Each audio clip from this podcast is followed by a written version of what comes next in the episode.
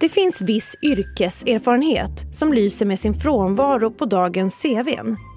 Om jag säger sumprunkare så är det nog många som inte vet vad jag menar. Nej, det är inget ekivokt. En sumprunkare var ett yrke förr som gick ut på att se till att den nyfångade fisken i hamnen överlevde. Det var ett tungt jobb, ingen flär där inte. Det gick ut på att röra på sumparna, behållarna där fisken förvarades och syresätta vattnet så fisken överlevde till försäljning. Och så fanns yrket gråterska. Det är det få som är numera.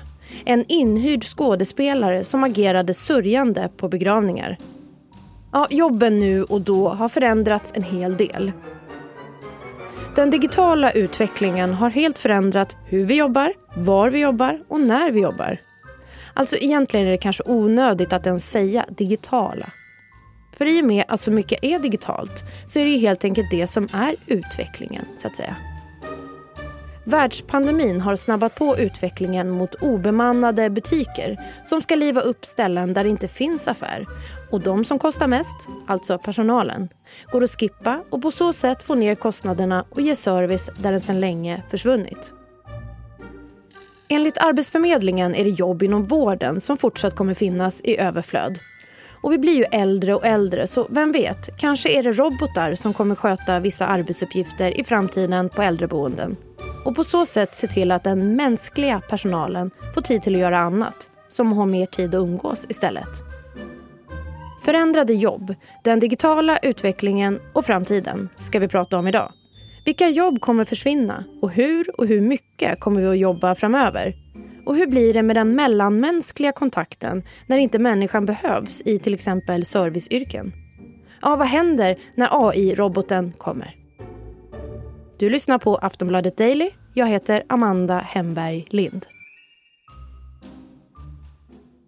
Det här ska vi diskutera med Jan Gulliksen, professor i människa-dator-interaktion vid Kungliga Tekniska Högskolan, KTH som får börja med att svara på hur all teknik påverkar våra jobb och oss som människor. Nej, men alltså tekniken idag har ju förändrat förutsättningarna för hur vi jobbar väldigt radikalt. Eh, särskilt den digitala tekniken tänker jag då på eftersom merparten av de jobb som vi ägnar oss åt ägnar vi oss åt att göra framför en dator. Vi sitter ju framför dator stora delar av arbetsdagen i de flesta jobb, alltså jobb som eh, tidigare inte alls kände kännetecknas av teknik har ju kommit att förändras eh, radikalt till, till, till följd av detta. Det finns ju till exempel undersökningar som visar på att, att läkare spenderar eh, mer än 50 procent av sin tid framför dator och man kanske har bilden av att en läkare spenderar mest tid framför en patient till exempel. Men väldigt mycket av jobbet man gör kräver liksom tekniken och man dokumenterar det i tekniken. Så att det, i väldigt många olika jobb så, så är datorerna absolut essentiella för vad man kan göra. Och på så sätt så förändras ju jobbet. Eh, sen förändras jobbet eh, i, i perspektivet när, var och hur vi gör vårt jobb. När vi tidigare, när jag växte upp, så gick min pappa till jobbet åtta på morgonen och kom hem fem på kvällen och hade aldrig någonsin med sig något jobb hem, vad jag kan komma ihåg i alla fall i detta. Och, och så där, till att vi nu jobbar mera gränslöst. Vi växlar mellan det privata och det yrkesmässiga många av oss sätter oss också med jobbrelaterade saker eh, eh, hemma vid när vi, när eh, vi kan på det sättet.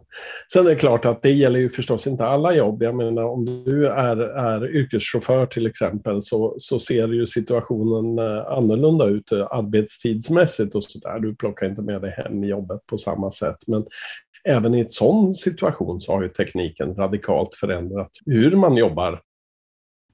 Vad kommer, att, vad kommer digitaliseringen göra med våra jobb?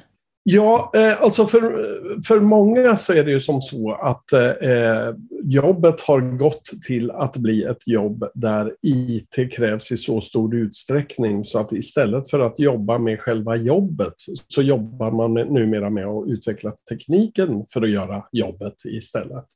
Ta banker som ett exempel. Eh, så kan man ju tänka sig liksom att eh, banker till följd av digitaliseringen skulle ha radikalt mycket mindre personal än vad man hade tidigare. Men så ser det inte ut. Utan banker idag har ju lika mycket personal som man hade eh, eh för 20-30 år sedan. När vi hanterade banker med, eh, och bankernas verksamheter med en plånbok med sedlar i. Och vi gick till bankkontoret en gång i månaden för att betala våra räkningar och sådär. I dagsläget så kan ju vi gå mycket, mycket oftare in på bankkontoret, men vi gör det digitalt istället. Och då har vi ju förändrat yrkesrollerna här från att vara bankkamrer och bankkassör eh, eh till att snarare då bli, bli ekonomiska rådgivare som hjälper medborgarna med sina bankärenden plus IT-utveckling. Det vill säga att en bank idag behöver ju mycket större personalstyrka som jobbar med att ta fram och utveckla den tekniken som, som man behöver för att kunna arbeta med det. Så att det är den sortens förändringar som vi står inför eh, till följd av tekniken i detta. Apropå jobb som försvunnit. Har du hört om roddarmadammerna? Det var kvinnor som rodde människor i båttaxi mellan Stockholms öar och iskararna som bar isblock till dörren innan moderna kylskåp fanns. Men okej, vi håller oss till just digitala framsteg som gjort att jobben försvunnit och förändrats. Har Jan Gulliksen något exempel på det? Ja, nej men alltså det finns ju inom vilken bransch som helst eh, eh, kan man tänka sig. Jag, läste eh, för inte så länge sedan om när man införde förarlösa tåg på flygplatserna som skeppar folk mellan olika terminaler. Det, det sker ju idag utan att det, du ser Eh, Eh, en förare, därför det finns ingen förare. Föraren sitter i ett kontrollrum och styr eh, de här tågen istället och övervakar det hela.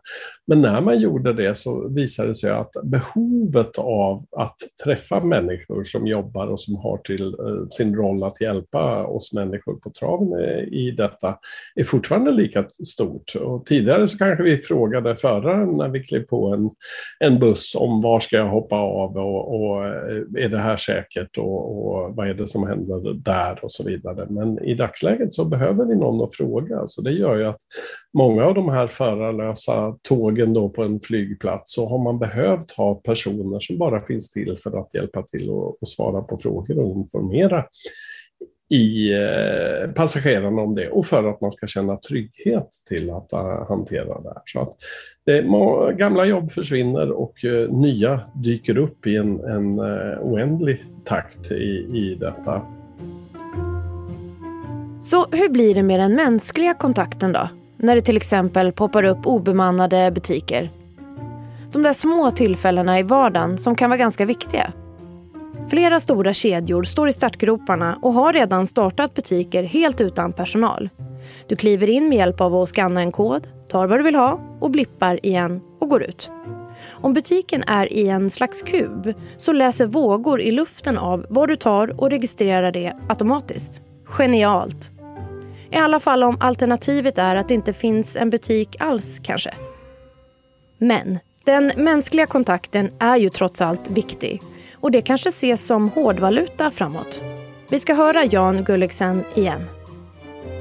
Jag tror att mänsklig interaktion är en av de viktiga råvarorna som vi kommer behöva jättemycket eh, av i framtiden och behöva mycket mer av i framtiden. Jag tror att mycket av digitaliseringen och teknikutvecklingen den kan ju ta bort då, eh, tråkiga, rutinmässiga och, och, inte så kanske kreativa arbetsuppgifter för folk och lösgöra mer tid för att sitta ner, ha ett samtal med den äldre inom äldrevården eller, eller hjälpa eh, barnet som är på sjukhuskliniken att, att förstå vad det är som händer. Så att jag, tror, jag tror att det, den mänskliga interaktionen kommer att, att öka och behovet av det kommer att öka därför det är det vi kommer vilja ha. Det är den sortens kvalitet vi är ute efter att få i i, all vår interaktion med samhället på olika sätt. 1900-talsekonomen John Keynes trodde att 2000-talsmänniskan skulle bara behöva jobba tre timmar om dagen för att tillgodose våra behov. Men så har det inte blivit. Eh, och så tänker jag på att man trodde att mobiltelefoner de skulle spara massa tid. Men nu sitter vi med våra telefoner mest hela tiden. Vi kanske inte ens umgås eh, lika mycket med varandra ibland när vi är hemma. Eh, men kommer AI och robotar i arbetslivet, kommer det innebära att Keynes spådom kommer till liv, att vi, se, vi får mer fritid? Eller kommer istället skapa konkurrens om jobb som finns och arbetslöshet? För det första så tycker jag att det är lite intressant att, att se det här att bara för att vi sitter med telefoner och, och eh, iPads och andra saker framför oss stora delar av dagen, att man då tänker sig att eh, det är arbete som ökar i större utsträckning. Eh, min, min brors dotter kom fram till honom eh, vid tillfällen när han satt och läste tidningen på paddan på morgonen och, och, säger så här, pappa måste du jobba nu också? För att man såg liksom tekniken som förknippat med jobb. Men så är det ju inte, utan idag så är ju tekniken ett stöd för hela livet och inte bara för, för ens arbetsliv i detta. Så det kommer ju växla mycket mer med, med, eh, mellan jobb och mellan andra saker.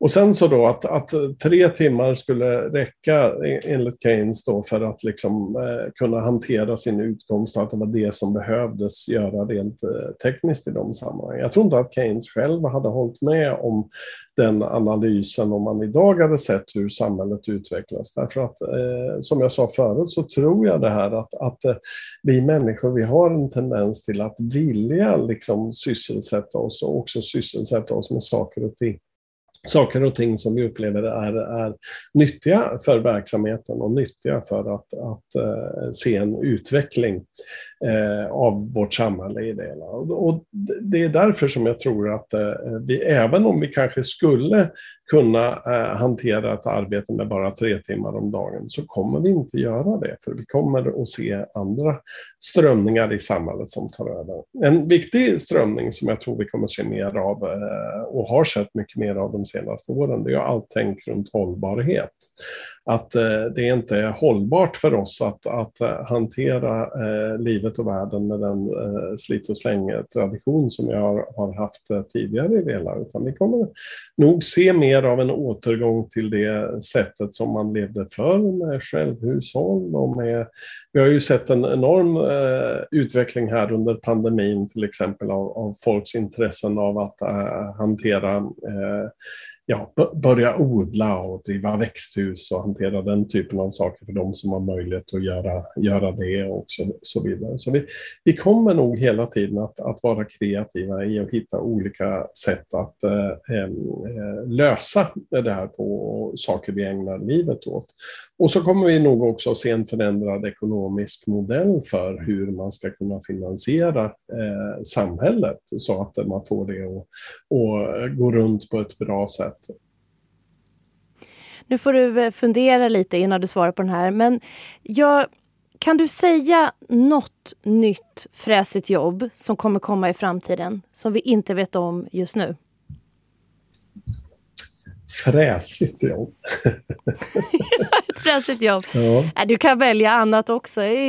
Fräsigt eller inte. Men någonting, no, någonting nytt som vi inte vet om nu. Kan du säga något? Ja, nej men alltså jag tror ju att, att eh, eh, eh, om man ska försöka extrapolera det som, som händer hela tiden så är det ju som så att vi har blivit mycket, mycket mer medvetna om vårt eh, eh, välmående på olika sätt och vis. Eh, inte minst det psykiska välmåendet och vad vi behöver för att utvecklas och, och ta oss vidare på ett bra sätt. Jag tror att vi kommer ägna eh, det ganska stor tid. Att vi kommer att ha livscoacher som hjälper oss på, på vägen i hur vi ska leva våra liv jag tror att det kommer att, utvecklas och förändras till att bli mycket mer en, en eh, naturlig del. Idag är ju väldigt mycket av det kopplat till ohälsa, att, att eh, det har, har blivit någon sorts hantering av när saker och ting inte eh, går så bra, hur man kan styra saker rätt och rehabilitera sig från det och, och, och sådär. Men i framtiden så tror jag att det kanske mera kommer vara en naturlig del av den utveckling man, man har, att man, man har en hjälp på traven i i hur det tar sig vidare. Det säger Jan Gulliksen, professor i människa-dator-interaktion på KTH. Du har lyssnat på Aftonbladet Daily med mig, Amanda Hemberg Lind. Du får hemskt gärna prenumerera på oss så missar du inga nya avsnitt. Tills vi hörs igen, hej då. Du har lyssnat på en podcast från Aftonbladet. Ansvarig utgivare är Lena K Samuelsson.